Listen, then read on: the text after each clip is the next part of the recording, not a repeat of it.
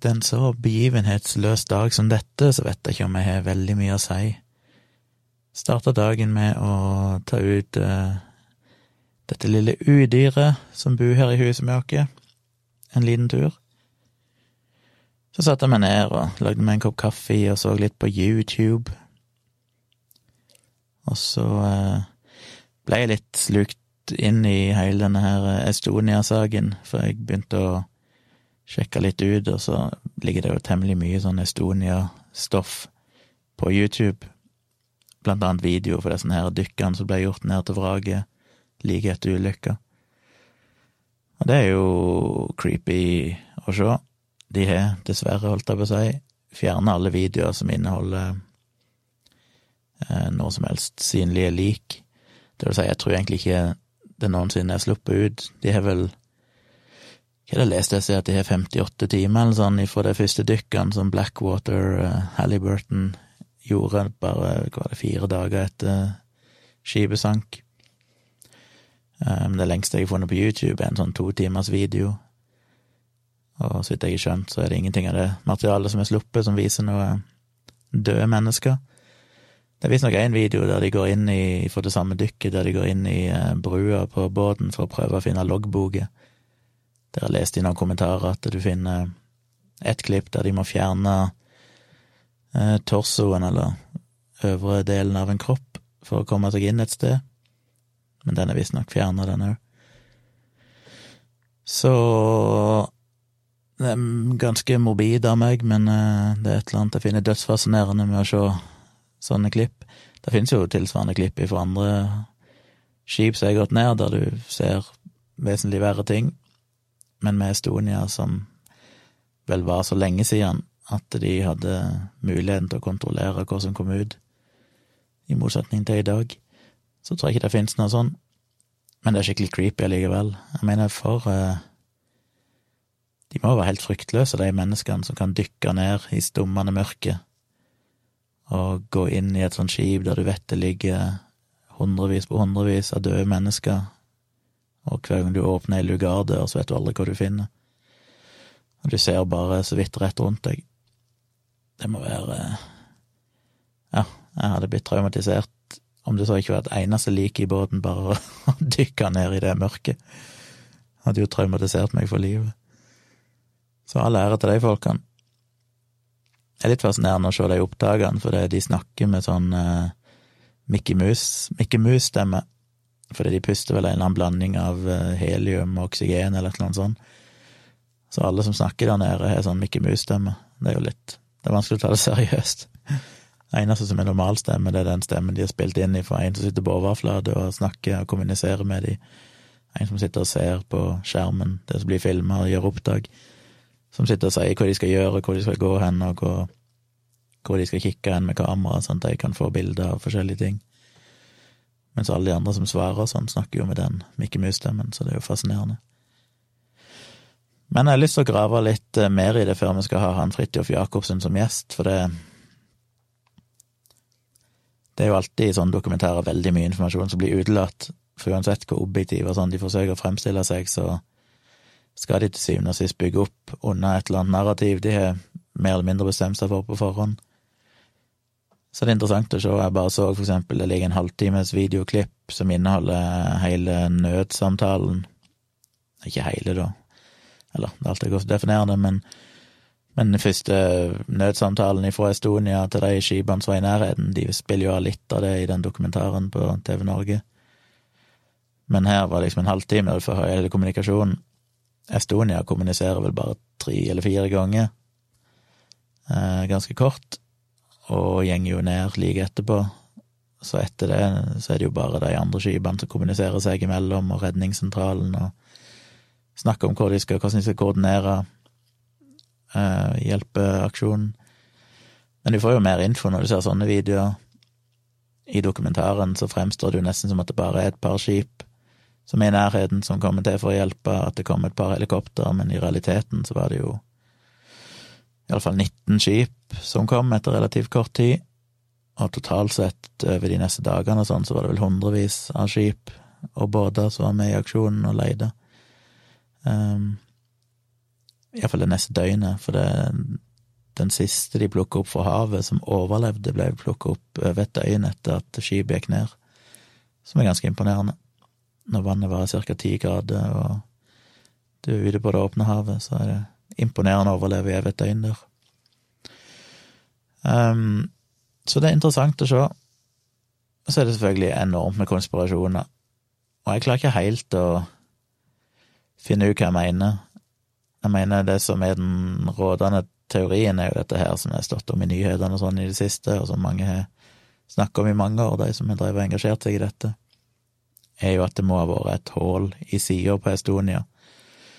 Den offisielle historien er at denne baugporten ble såpass hardt eh, hamra av høye bølger at uh, festene til slutt ga etter, og etter en stund så datt han av og reiv med seg denne her uh, ja, hva kalles det, sånn lasterampe, eller den som bilene kjører opp på, som på en måte blir heist opp og dekker åpningen, sånn at det var ren åpning rett inn på bilplanet, så sjøen, hver bølge, bare fossa rett inn og skapte ustabilitet, for det var jo et eneste sammenhengende flatt plan. Sånn at når du først får vann inn der, og den begynner å samle seg på ei side, så får du jo Så klarer ikke båten å gjenopprette, gjenopprette stabiliteten, og vil da sakte, men sikkert tippe over. Eh, men så mener jo noen at når den da til slutt tippa helt over, så sank den overraskende fort. Den sank i løpet av 45 minutter, eller noe sånt og noen mener at det skal ikke være mulig.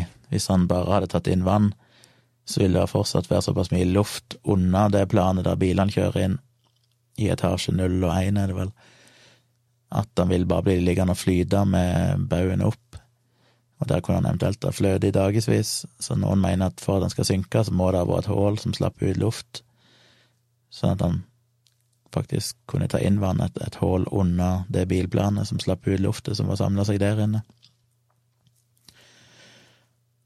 Og det er jo flere, et par dykkeoperasjoner som mener de har funnet det hullet. Og så er spørsmålet hva lagde det hullet? Kan det ha skjedd når skipet sank og traff havbunnen? Kan det ha skjedd av at bauporten slo borti når den løsna og lagde et hull i sida? Ble de truffet av en ubåt? Ble de truffet av en torpedo? Hva er det egentlig som lagde det hullet? Og det er jo det store mysteriet nå. Det jeg ikke helt får til å henge på greip, det er at de samme folkene, det er på en måte som at de som først begynner å bli veldig spekulative rundt dette, mener jo på en måte selvfølgelig at da er jo alt av den offisielle historien feil, så de mener jo òg at denne her lasterampa aldri åpna seg.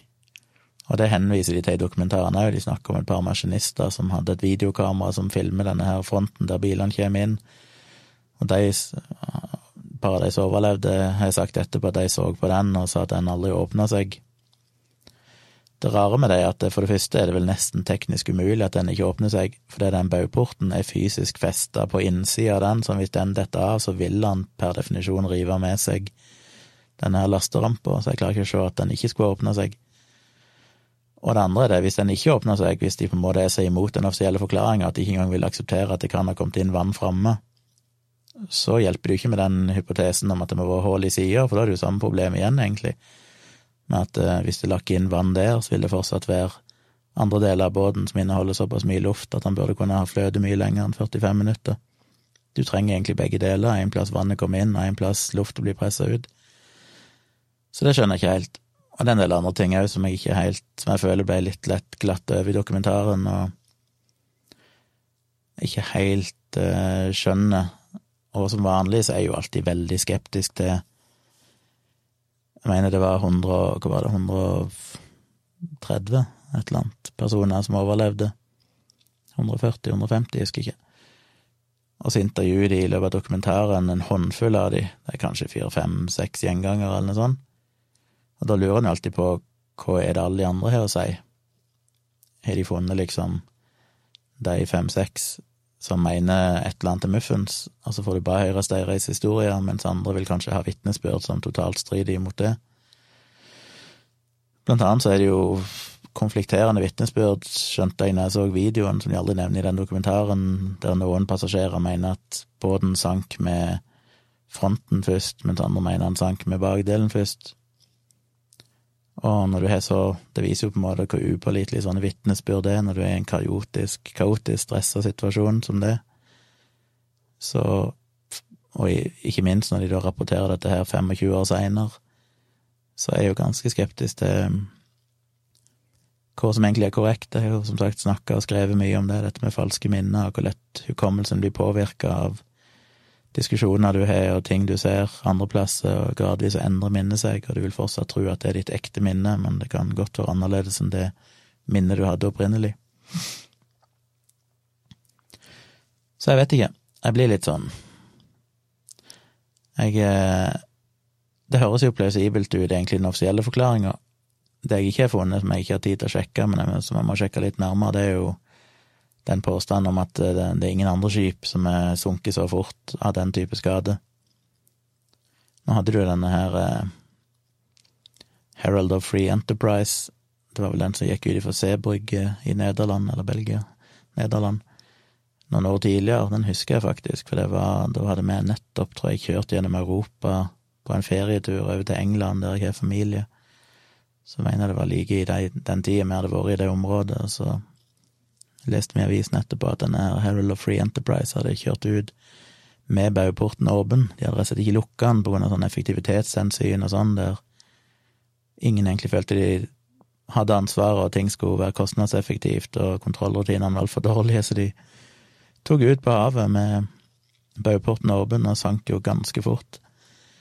Eh, men der var det jo så grunt at den ble jo bare liggende på havbunnen, så vidt jeg husker, med deler av båten synlig fortsatt. Jeg er litt usikker på hva representativt det er. Men eh, den gikk jo i så fall så langt ned han kunne, ganske umiddelbart. Nei, jeg er spent på om det er en andre historie, for det er liksom det alt står og faller på, er jo egentlig kunne han ha sunket så fort, uten at det var et hull. Nå har de riktignok funnet hullet, men spørsmålet er om det hullet kom der før båten sank, eller om det oppsto etterpå, på et eller annet vis. Så det er mange uavklarte ting, men jeg er nødt til å liksom grave, for jeg har lyst til å ha noen litt sånn konfronterende spørsmål å stille. Være litt kritisk, for jeg er jo generelt sett kritisk til sånne dokumentarer. Um, så jeg håper jeg finner noen, eh, noen juicy ting jeg kan eh, bruke og spørre han om. Hvorfor de eventuelt ikke snakker om det, eller hva de tenker om sånn og sånn. Så jeg har sett litt på sånne videoer, og det er jo en skikkelig sånn uh, hva eh, kaller de det, wormhole, holdt jeg på å si. Um, når jeg først begynner å se et par sånne videoer, så kommer jo selvfølgelig YouTube med et tonn flere du skal se. Heldigvis er jeg vel såpass oppegående at jeg klarer å være kritisk til alt det som er konspirasjoner, og blir ikke sugd ned i det dragsuget. Men det er litt plagsomt at du får servert en del sånne konspirasjonsvideoer og sånn òg, som jeg bare skipper. Men da jeg først begynte å se det, så begynte det å komme opp anbefalinger om alt mulig andre sånne mysterier og sånn, og det er jo dritgøy.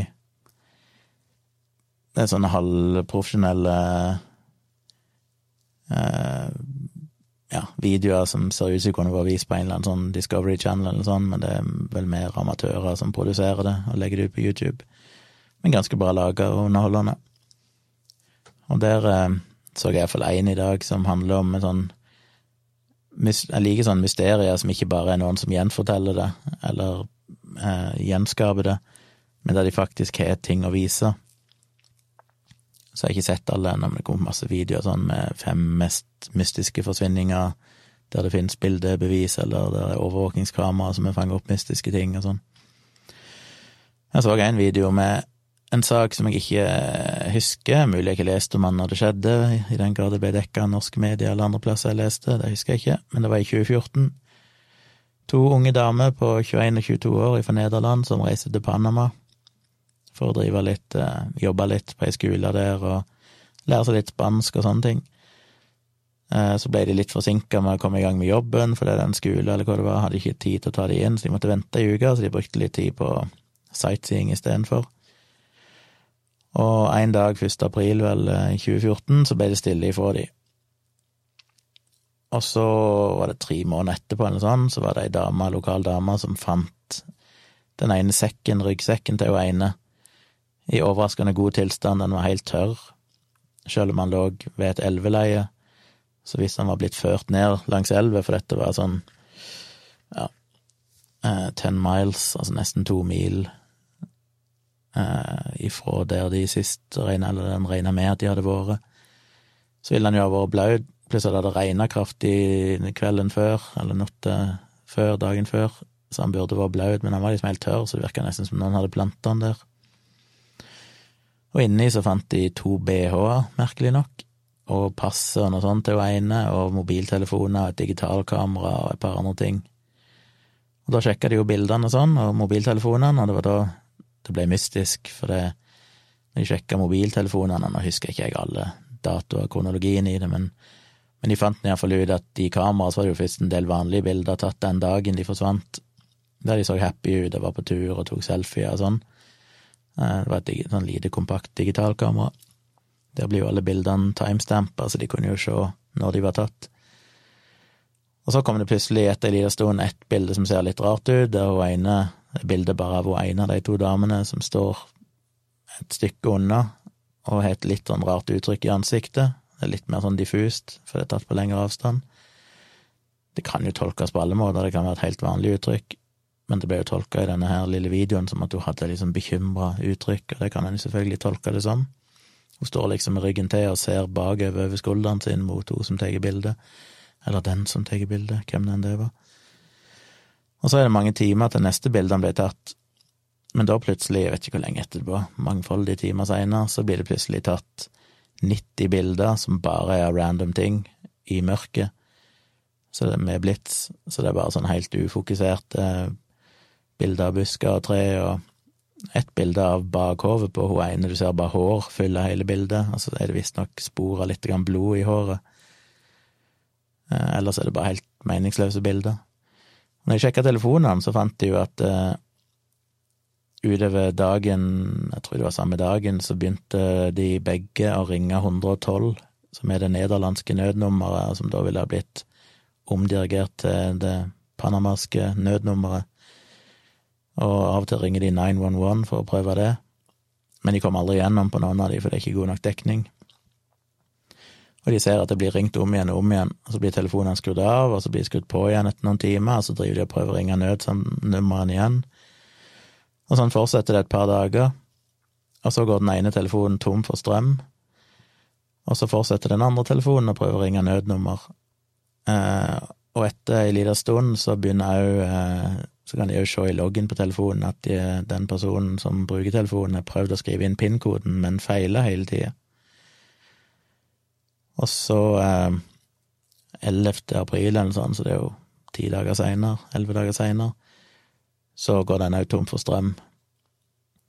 Og så ble jo da denne her sekken funnet tre måneder seinere.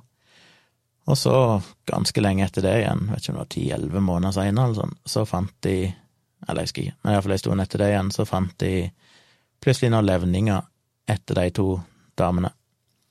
Blant annet en avhogd fot som fortsatt var i skoen som var kutta veldig sånn reint av, rett ved ankelen, og en del av huden til hun ene som var krølla sammen til en ball, eh, og litt andre, jeg skulle gjøre noe klær og noe sånne greier. Så de ble jo erklært døde. Ja, de fant noen bein, og de fant halve hofteskåla til hun ene, og noen andre knokler, men de var alle liksom mistenkelig reine, som de var forseggjort og rengjorte, og i veldig god stand. Så den dag i dag vet jo aldri hva som skjedde. Men det er jo mange spekulasjoner. Ene kan jo være eh, i utgangspunktet at de hadde ei ulykke, falt av ei sånn hengebru eller et eller annet de prøvde å krysse, for det var ei i nærheten der som var veldig sånn, bare sånn tre vaiere, der du basically balanserer på en midterste, tror jeg, og holder deg på de to andre og skal balansere over en sånn juv. At ei eller begge kan ha falt ned der, og så har de prøvd å ringe nødnummer og vært skada, og til slutt har jo ene døyd, hun som eide den telefonen som hadde batteri lengst, og da har hun andre prøvd å ringe nødnummer med den, for du kan jo ringe nødnummer uten å låse opp telefonen. Men så har hun òg prøvd å låse opp telefonen, men da ikke visst PIN-koden, og tydeligvis da feila gang på gang. Helt til den gikk tom for batteri, og så døde vel hun òg, da. Men det henger jo ikke helt sammen med de funnene som ble gjort seinere, blant annet at den sekken dukket opp tre måneder seinere i veldig god stand, og hvorfor lå BH-en deres oppi sekken? Eh, de er jo litt usikre på hvorfor det lå et pass oppi der, for de skulle egentlig bare ut på en liten sightseeingtur, sånn noen timers lang tur den dagen. De skulle ikke på noen reise eller overnatte eller noen ting sånn. Um, og det var bare til den ene av de. Og det er en del sånn mystiske ting, og hva i all verden var de 90 bildene av bare random ting midt på natta? Er det fordi de prøvde å bruke blitsen til å lyse opp og se hvor det gikk hen, men det vil funke dårlig, for at blitsen blinker jo så fort at det lyser jo basically ikke opp, og du blir jo egentlig bare blinde av det etterpå. Uh, har de prøvd å signalisere noen ved å fyre av blitsen? Gudene vet. Og midt oppi den serien med bilder, så var jo ett bilde sletta, fant de ut, som er jo veldig rart. Hvorfor i verden skulle de slette et av bildene? Eh, så da går det an å spekulere, kanskje en eller annen ondsinna person har tatt de, og den personen en eller annen grunn var på et av de bildene og har da blitt sletta. Mest sannsynlig så har de vel blitt drept av noen, for ellers ville det være rart at den sekken dukka opp sånn, at de ble funnet relativt partert. Altså, det kunne jo vært villdyr som hadde tatt de og spist de, hadde ikke vært for at de fant denne hudflenga som var krølla til en ball, og at det, foten var kutta av så veldig reint rett ved ankelen. Ja. Mystisk. Tragisk. Forferdelig. Men jeg syns det er interessant å se sånne ting der det faktisk finnes bildebevis, for jeg blir så sugd inn i det. Jeg begynner å gjenskape alt inni hodet mitt og tenke meg at jeg var der sjøl, og prøve å sette meg inn i Begynne å tenke hva det gjorde den datoen i 2014. Hva jeg drev på med mens dette her kanskje skjedde. Og tenke hvor fælt det må ha vært for det, uansett hva som skjedde, så må det jo vært en eller annen desperat situasjon, at de har overlevd i flere dager, men så hun ene sannsynligvis er død før hun andre, og det er deprimerende en begynner å tenke på hvor grusomme ting en del mennesker går gjennom og har gått gjennom. de mest forferdelige tingene du kan tenke deg, er det noen som faktisk har levd gjennom på virkelig. Det er liksom vanskelig å ta inn over seg at det kan være så grusomme ting. Um, så jeg må se flere sånne. Det finnes flere, som sagt, og jeg er alltid nysgjerrig. Så skal jeg kanskje ha en liten fotoshoot i morgen med eksen min hun skal komme innom en tur. Hun, eh, hun jobba for et model agency, et modellagentur, tidligere. For noen år siden. Men det er noen år siden hun drev aktivt som modell. Men hun eh, hadde lyst til å skulle ta noen bilder, så da skal hun komme hjem her, og så skal vi se hva vi kan få til. Så det kan jo bli, det kan bli gøy. Alltid gøy å ta bilder. Så jeg ute gikk en tur med Kyla i dag, og så hvor fantastiske farger det var ute. Og angra litt på at jeg ikke tok med meg kamera, selv om jeg egentlig gjorde det med overlegg, for jeg synes det er vanskelig å fokusere på å ta bilder når jeg er med meg i hunden. Det hadde vel egentlig gått veldig greit, men, men hvis det blir noenlunde fint vær i morgen òg, og får samme sola. Skal egentlig være overskya ifølge Yr, men i dag var det så perfekt. Sånn i sein ettermiddag så var det liksom sol kom inn ganske lågt på himmelen og lyste opp noen tre som så ut som de var i flammer, for de var så fine høstfarger. Men det er vanskelig med de trærne og buskene. Det er fine farger, men det er vanskelig å få til gode motiver av de, fordi det er så mye forstyrrende elementer. Du må egentlig ta deg en tur på fjellet eller ut i skogen for å få det rolig nok. Her er det jo alltid noen bygninger eller ledninger eller et eller annet i veien. Men jeg fant ett sånt tre der oppe i en park som sto ganske isolert, som var helt fantastisk fint, som jeg må vurdere å stikke opp på en dag der det er nok korrekt lys, og se om jeg kan klare å få tatt et fint bilde av. Så jeg får se. Det blir mer bilder. Og så har jeg en plan om å kanskje skrive en bloggpost i morgen. Rett og slett sette meg ned og prøve å skrive. Jeg vet jeg lover ting stadig vekk og ikke gjennomfører det, så vi får se hva dagen bringer, men jeg har iallfall en plan. Og jeg er i utgangspunktet helge ledig, bortsett fra en fotoshoot, så får se hva jeg får til. Det tror jeg var alt jeg hadde å si for i dag. Vi høres igjen eh, i morgen, og så er det samboerprat på søndag kveld. Så får dere ha ei fin helg og nyte høsten og bruke munnbind og vaske hendene.